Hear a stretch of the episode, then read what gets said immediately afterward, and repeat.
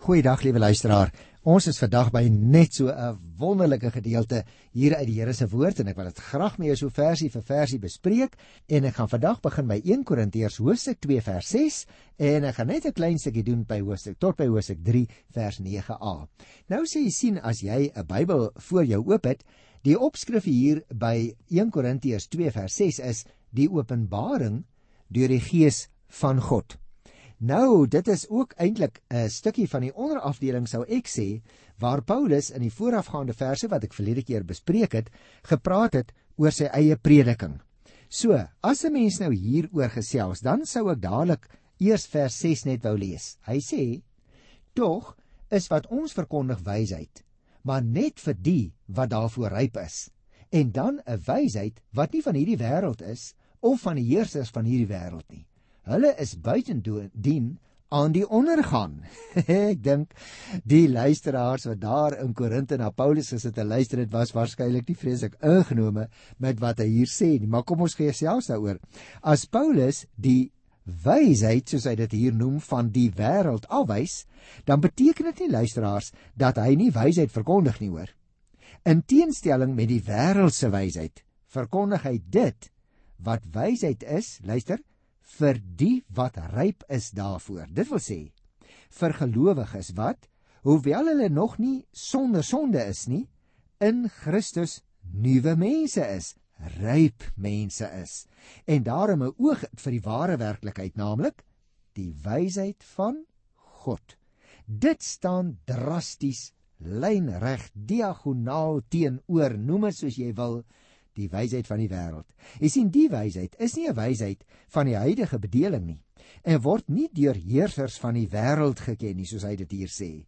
Heersers tussen hakies beteken of die mense wat die toon aangee in hierdie wêreld of dit kan ook beteken engele wat tot 'n val gekom het en dus aan ondergang oorgegee is.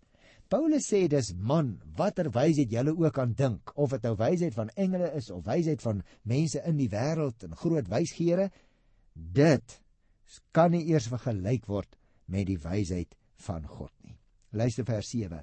Wat ons verkondig is die wysheid van God, die verborgde waarheid wat bedek was en wat God van ewigheid af vir ons voorbestem het tot ons ewige heerlikheid. Jy sien, vir hier vervolgens gee Paulus uiteensetting van die wysheid wat van God kom. Met ander woorde, wat aan ons bekend gemaak is of soos die opskrif sê, wat aan ons geopenbaar is. En hy sê dit is 'n geheimenis in die sin dat God dit wel bekend gaan maak, maar ook verborge hou vir die wêreld groot is. Volgens hierdie wysheid wat reeds voor alle tye deur God uitgekies is, bring hy ons wat glo tot die ewige heerlikheid sê hy waarvoor die mens oorspronklik bestem is. Kom ek sê dit andersom liewe luisteraar. God het in sy wysheid lank al besluit om die gawe van verlossing aan almal aan te bied. Aanvanklik het die mense nie van die plan geweet nie, maar alles het natuurlik met Jesus se menswording en sy dood en sy opstanding uit die dood duidelik geword. Die opstanding was juis die bewys dat Jesus ook mag het oor die sonde en die dood en daardie krag ook tot ons beskikking wil stel as ook as 'n mens nou Romeine 16 van die 25ste vers aan gaan lees iets vir ons beleer omtrent die krag van God. God se plan is vandag nog op 'n ander manier vir die ongelowiges verborge omdat hulle weier om dit te aanvaar of dit uit vrye wil ignoreer Christus wat aan die kruis vir ons gesterf het en uit die dood opgestaan het, het beloof dat ons aardse liggame verruil sal word vir hemelse liggame. Dan sal ons volmaak by God lewe. En daarom luister na die 8ste vers. Nie een van die heersers van hierdie wêreld het hierdie wysheid geken nie. As hulle dit geken het, sou hulle nie die Here van die heerlikheid gekruisig het nie. Met ander woorde, hy sê vir hoor hierso.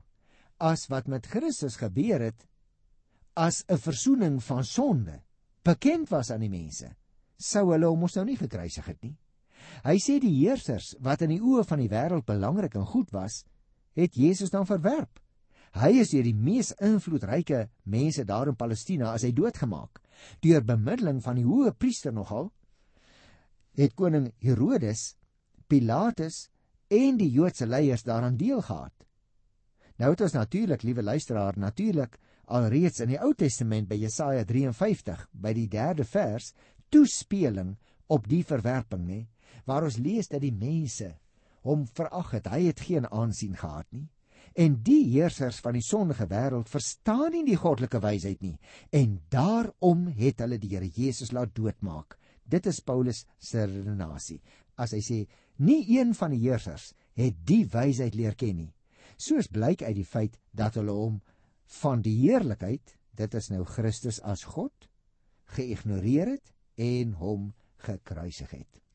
In vers 9 gaan hy nog so 'n bietjie daarop in. Hy sê: "Maar soos daar geskrywe staan, wat die oog nie gesien en die oor nie gehoor het nie en wat uit die hart van die mens nie opgekom het nie, dit het God gereed gemaak vir die wat hom liefhet." O, is dit nie wonderlik nie? Onbegryplik wonderlik uit die raadsale van die hemel luisteraars. Ons is nie in staat om 'n beeld eens te vorm van alles wat God vir ons in hierdie lewe en ook in die toekomstige lewe wil gee nie. Hy maak alles nuut en ons gaan vir ewig volmaak by hom bly. Sy Heilige Gees troos en lei ons tot op die dag dat dit volmaak afgerond gaan word. Daarom haal die apostel ook hier aan uit die Ou Testament Jesaja 52 vers 15 en 64 vers 4 waarmee hy dan betoog dat God gedoen het waaraan die mens met al sy vermoëns nie eers kon gedink het nie. Deur sy seun se sterwe en opstanding en die Heilige Gees wat gekom het, het God gedoen wat ons verstand heeltemal te bowe gaan. En hierdie wysheid skryf die apostel kan nie met menslike vermoëns bemagtig word nie. Soos Paulus dit verduidelik met 'n aanhaling wat ek dan nou vir jou opgewys het uit Jesaja uit die Ou Testament die 65ste hoofstuk en ook Hoofstuk 52. Nou luister nou na vers 10. Aan ons dan het God dit deur die Gees bekend gemaak, want die Gees deursoek alle dinge, ook die diepste geheimenisse van God. Nou hierdie geheimenisse van God waarvan Paulus hier praat, is natuurlik die Here Jesus se opstanding. Is deel van God se verlossingsplan waarvan die betekenis geopenbaar word aan almal wat glo op grond van die werk van die Heilige Gees in hulle harte. As 'n mens in Christus en in sy opstanding glo, dan sal jy voldoende weet wat nodig is om verlos te word. Dit is egter vir die slimste mense op aarde onmoontlik om dit te begryp as hy of sy nie ook die boodskap van God wil aanvaar nie. En dit bring ons by die gevolgtrekking dat almal wat die boodskap verwerp, dwaas is hoe slim en hoe geleerd en hoe belangrik en hoe hoog hulle ook al mag wees in eie oë en in die oë van die wêreld. En dit is hierdie eenvoudige verborgde wysheid dat Christus opgestaan het uit die dood nadat hy vir jou vir my betaal het wat aan ons bekend gemaak word deur sy gees. Geleerdheid kan ons nie tot daardie insig bring nie. Sy gees bring ons tot die insig van wie Jesus Christus is. Luister nou na vers 11 en 12. Watter mens ken die verborgde dinge van 'n mens behalwe die gees van die mens wat in hom is? So ook ken niemand die verborgde dinge van God nie behalwe die gees van God. Die gees wat ons ontvang het, is nie die gees van die wêreld nie, maar die gees wat van God kom. So weet ons wat God ons uit genade geskenk het. Die apostel sê God se gees ken alleen die geheimenisvolle wysheid van God, net soos die gees van 'n mens weet wat in 'n mens aangaan. Die Heilige Gees woon in jou en in my as gelowige liewe luisteraar, en daarom het ons nie meer die lewensbeskouing of die gees van die wêreld, sondige wêreld in ons nie. Maar deur die Gees met 'n hoofletter kan ons weet wat God eenmaal aan ons geskenk het uit genade staan daar. Met ander woorde, ook die insig, die begrip dat Jesus Christus die Here is, sê die apostel, is 'n stuk genade wat die Heilige Gees ons gee. Hy maak ons oë oop om te kan insien, om te kan verstaan dat Jesus se kruisiging en opstanding vir ons die nuwe lewe bewerk het.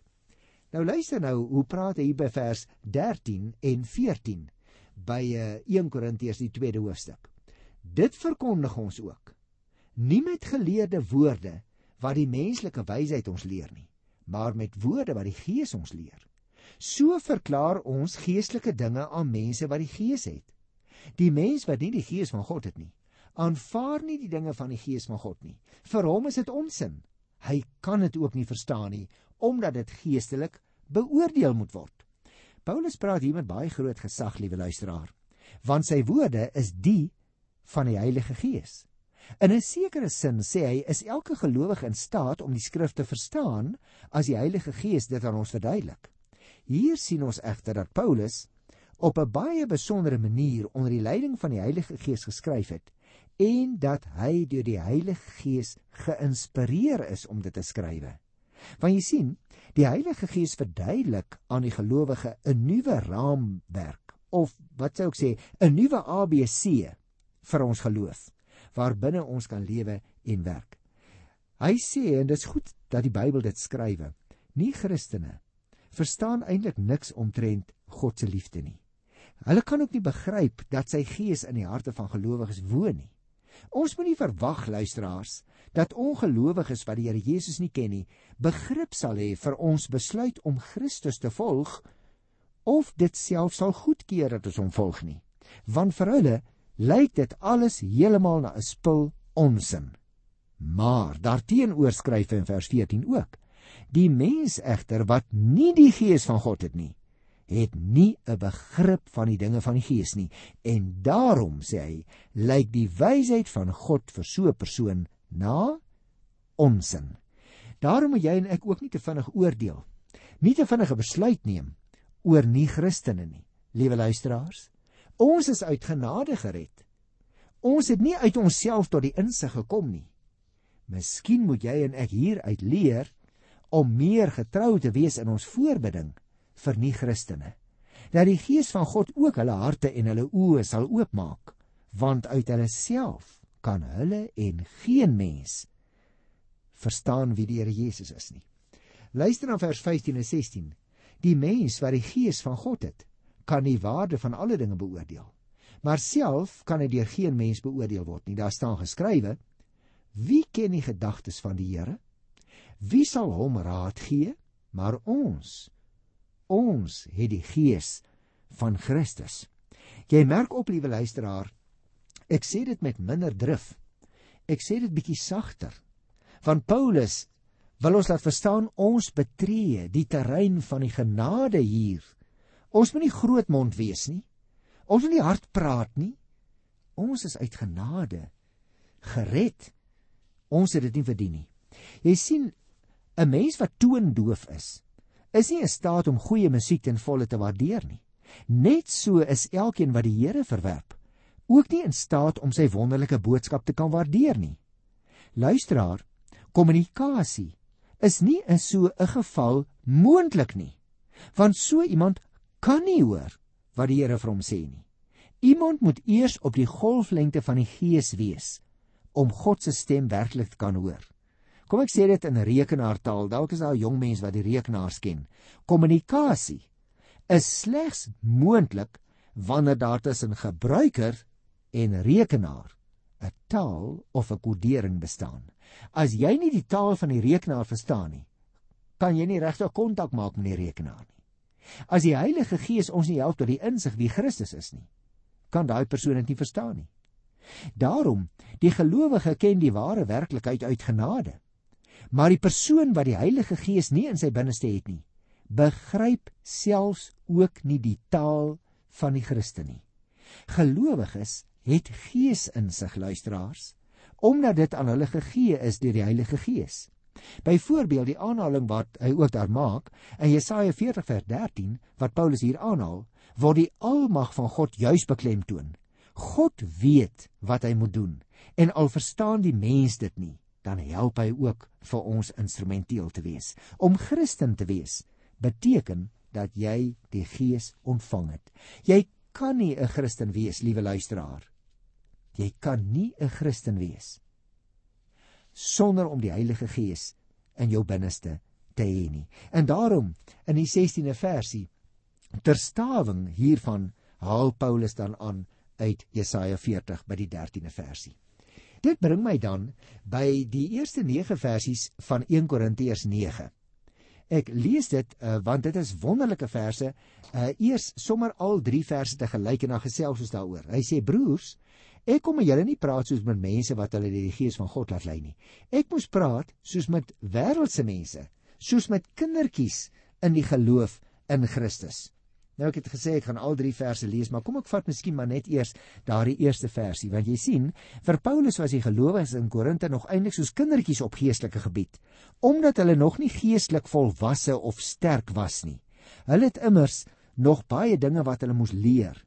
En daarom kom Paulus hier in die eerste versie nou terug weer by die verdeeldheid in die gemeente. Deur die gemeente as broers aan te spreek, erken hy dat die gees van God in hulle is ooreenkomstig sy uiteensetting wat ek nou net met jou behandel het aan die einde van Hosea 2. Maar hulle tree nog nie op as mense wat die Gees het nie. Daarom kan hy sê hy nog nie ook nie met hulle praat oor die diepe dinge nie, want hulle het geen begrip daarvan nie. Hy moes hulle behandel soos wêreldse mense wat nie geestelike insig het nie en met hulle as dit ware soos met kindertjies omgaan, sê hy. Nou luister hier vers 2 tot by vers 6. Ek kan dit nou as 'n een eenheid lees, dan is dit miskien makliker. Ek het julle met melk gevoed, nie met vaste spys nie, want julle kon dit nog nie verteer nie. En julle kan dit ook nou nog nie verteer nie, want julle is nog wêreldse mense. Daar kom jaloesie en twis onder julle voor. Is dit nie omdat julle nog wêrelds is en julle wêrelds gedra nie? As een van julle sê ek is van Paulus en 'n ander een sê ek is van Apollos, is julle dan nie nog wêrelds nie? Wat is Apollos dan? En wat is Paulus? Hulle is maar net dienaars deur wie julle tot geloof gekom het en elkeen doen die werk soos die Here dit vir hom gegee het. Ek het geplant, Apollos het nat gegooi, maar dit is God wat laat groei. Jy sien liewe luisteraar, met die stigting van die gemeente het hulle aanvanklik vir hierdie mense melk gegee geestelike melk. Sedertdien het daar nou al jou wat tyd verloop, maar daar is maar weinig geestelike groei by die gemeente, soos blyk uit die vorming van partye in die gemeente. Hulle tree nog wêrelds op sê die apostel. Hoekom? Want hy sien daar onder hulle is jaloesie en onderlinge twis en die verkeerde beoordeling van die ampte kom nog onder hulle voor, skryf hy. Dit was as Paulus se werk om die saad van die evangelie van verlossing te plant Apollos se taak was om dit soos klein plantjies nat te gooi deur die gelowiges sterker te laat word in hulle geloof, dit wil sê om die gemeente te bou. En dan kom hy eers daartoe om te sê die regte geestelike insig is dat hulle die predikers moet sien as dienaars van God wat die gemeente tot geloof in Christus moes lei. As predikers wat nie hulle self aangestel het nie en wat elkeen maar net 'n bepaalde taak van die Here ontvang het. So was Paulus se taak om te plant. Apollos se taak om nat te gooi. Maar wie jy wat sê vir hulle? Die groeikrag kom van God. En daarom vers 7 tot vers 9a. Dit gaan dus nie om die een wat plant of die een wat nat gooi nie, maar om God wat laat groei Die een wat plant en die een wat nat gooi, staan op gelyke voet. God sal elkeen beloon vir sy werk. Ons is medewerkers in diens van God en julle die saailand van God. Jy sien, dit is baie belangrik dat ons sal verstaan wat hy hier sê. Dit dit is alleen en dit bly ook alleen God wat die werkers geseën het en die saad laat groei het. Die inisiatief lê by God vir die redding en die werkers op die saailand is slegs die Here se instrumente. Die predikers staan sê Paulus duidelik op gelyke voet. Hulle is albei in diens van God, beide Paulus en Apollos. En God sal aan elkeen volgens die aard van sy werk sy eie beloning skenk. Hulle roeping is om die gemeente wat die saailand van God is te bedien. Net so, liewe luisteraar, jy en ek kan getuig teenoor ander mense oor wie die Here Jesus vir ons is, maar ons kan dit nie laat groei daardie geloof in harte nie. En daarom wil ek graag so 'n paar algemene opmerking maak uit die breër verband oor hierdie saak van geestelike groei, liewe luisteraar. Wy sien ons het almal doelwitbeplanning. En doelwitbeplanning is op geestelike gebied ook nodig. Ek moet myself byvoorbeeld afvra van tyd tot tyd, waarmee is ek besig? Waarheen is ek op pad? Waar sien ek myself oor 10 jaar? Wat gaan die geestelike groei wees wat ek graag wil hê moet plaasvind van vandag tot oor 5 jaar of oor 10 jaar? Hoe gaan ek lyk van punt A na punt B? En liewe luisteraars, heel wat riglyne in die Bybel. Daarom wil ek graag ook wat Paulus in hierdie verband in die breë verband van die Bybel sê, hier en daar vir jou beklemtoon. Hy sê byvoorbeeld in Kolossense 1 vers 28: Hom, dis nou Christus, verkondig ons deurdat ons alle mense met alle moontlike wysheid onderrig en leer, sodat ons elke mens tot geestelike volwassenheid in Christus kan bring. Hy skryf in 1 Tessalonisense 2 vers 19: Wie tog anders as julle is ons hoop en ons blydskap. Die kroon op ons werk waarop ons trots sal wees wanneer ons met sy wederkoms voor die Here Jesus sal verskyn. Julle is immers ons eer en ons blydskap. Met ander woorde, liewe luisteraar, die bediening van hierdie man is gerig op die praktyk, dis gerig op die geestelike groei. En daarom behandel ons die Bybel ook so intensief. Dit gaan nie net oor kennis nie. Dit gaan oor geestelike groei. Jy sien, die materiaal oor die praktyk van Christen wees val myns insiens in twee groot afdelings. Lekker dinge wat ons graag wil hoor, maar ook minder lekker dinge wat ons behoort te hoor lekker dinge om te hoor is dinge byvoorbeeld soos 2 Timoteus 2. Jy en ek is Christus se soldate in die wêreld. Of 1 Petrus 2 vers 9. Julle is die uitverkore volk van God, 'n koninklike priesterdom, 'n nasie wat vir God afgesonder is, die eiendomsvolk van God, die die volk wat die verlossingsdade moet verkondig van hom wat julle uit die duisternis geroep het na sy wonderbare lig. Dis die lekker dinge. Maar het jy gehoor wat daar staan? Ons het die verantwoordelikheid om te verkondig. Mag ek jou vra? Verkondig jy? Getuig jy? Praat jy? 1 Korinte 3:16 byvoorbeeld, weet julle nie dat julle liggaam die tempel is van God en dat die Gees van God in julle woon nie? Of 2 Korintiërs 2 vers 15, ons is die wierook wat deur Christus vir God gebrand word. Nou al hierdie dinge is wonderlik. Maar weet jy wat? Daar's die wat ek nou maar genoem het, die minder lekker dinge om te hoor. Byvoorbeeld, kom ek lees vir jou 'n paar voorbeelde. Efesiërs 5:17 moet daarom nie onverstandig optree nie, maar probeer te weet te kom wat die Here wil hê wat julle moet doen. 2 Tessalonisense 3 vers 6 sê: Onttrek julle aan elke broer wat leeg lê en hom nie aan die opdrag te hou wat julle van ons ontvang het nie. Of 1 Timoteus maar van onheilige en sinlose verdigsels moet jy wegbly. Ek dink in ons tyd is dit baie belangrik. Hy sê oefen jou liewer om godsdienstig te lewe.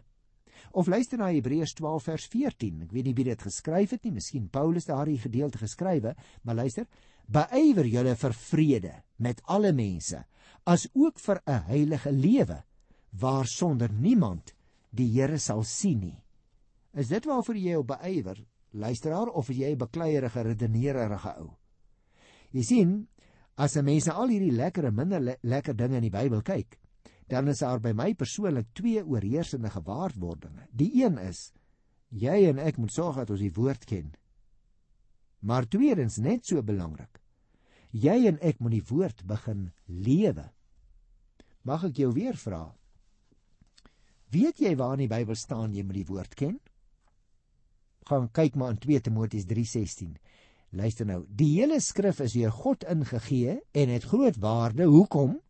Om in die waarheid te onderrig, dwaaling te bestry, verkeerdhede reg te stel en 'n regte lewenswyse te kweek. Kan jy dit doen?